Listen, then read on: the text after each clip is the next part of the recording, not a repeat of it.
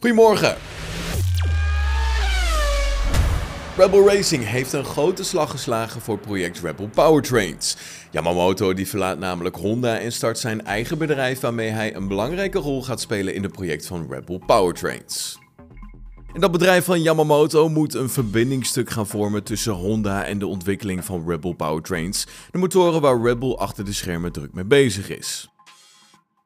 Ik heb inderdaad een nieuw bedrijfje opgezet en daarmee ook een contract getekend met Rebel Powertrains. Het is lastig uit te leggen wat dat precies betekent, maar concreet zal ik Horner en Marco ondersteunen en hen adviseren als ze mij daarom vragen. Dat kan gaan om het beter begrijpen van de Japanse cultuur of juist de cultuur binnen Honda. Eigenlijk om de relatie nog verder te verbeteren. Maar betekent ook dat ik een talentvolle coureur uit Japan kan voorstellen bij het opleidingstraject van Red Bull. Ik zal eigenlijk onder de vleugels van Horner en Marco werken en zal simpel gezegd als een soort brug tussen Red Bull en Japan gaan fungeren.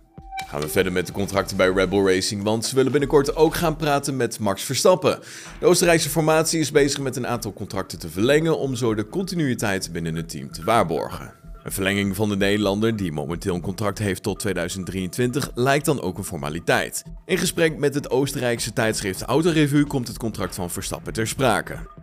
We zijn bezig om de contracten van een aantal kopstukken, waaronder Adrian Newey, met vijf jaar te verlengen om zo de continuïteit te waarborgen. Ja, gevraagd naar of dat ook de bedoeling met Verstappen is, zei Marco het volgende. Komende weken willen we gesprekken gaan voeren met Max. Zijn manager was moeilijk bereikbaar, omdat zijn zoon samen met Jos Verstappen aan de start stond van de 24-uursrace in Dubai. Ja, Verstappen senior moest zijn deelname aan de race uiteindelijk vanwege privéomstandigheden laten schieten. Gaan we door met het Jeddah Corniche Circuit, want daar wordt in de periode tussen de eerste twee races verder doorontwikkeld en daar waar nodig aangepast op sommige punten. Dat maakt Martin Whittaker, CEO van het circuit, namelijk bekend. Het was flink doorwerken voor de organisatie van de Grand Prix van Saoedi-Arabië, het op tijd klaarkrijgen van het circuit en alle infrastructuur rondom het Jeddah Corniche Circuit. Uiteindelijk kon er toch gereden worden in Jeddah tijdens de ene laatste race van het seizoen. En in een bloedstollende race was het uiteindelijk Lewis Hamilton die aan het langste eind trok. De race in het Midden-Oosten staat komend seizoen op het programma als de tweede race, dus ja, het duurt niet lang voordat we daar weer gaan rijden. We streven erna om de mindere punten te verbeteren richting het tweede evenement. Ten eerste worden er twee kleine aanpassingen gedaan aan het circuit. Deze aanpassingen vallen direct terug te brengen tot de coureurs en hun zicht vanuit de cockpit.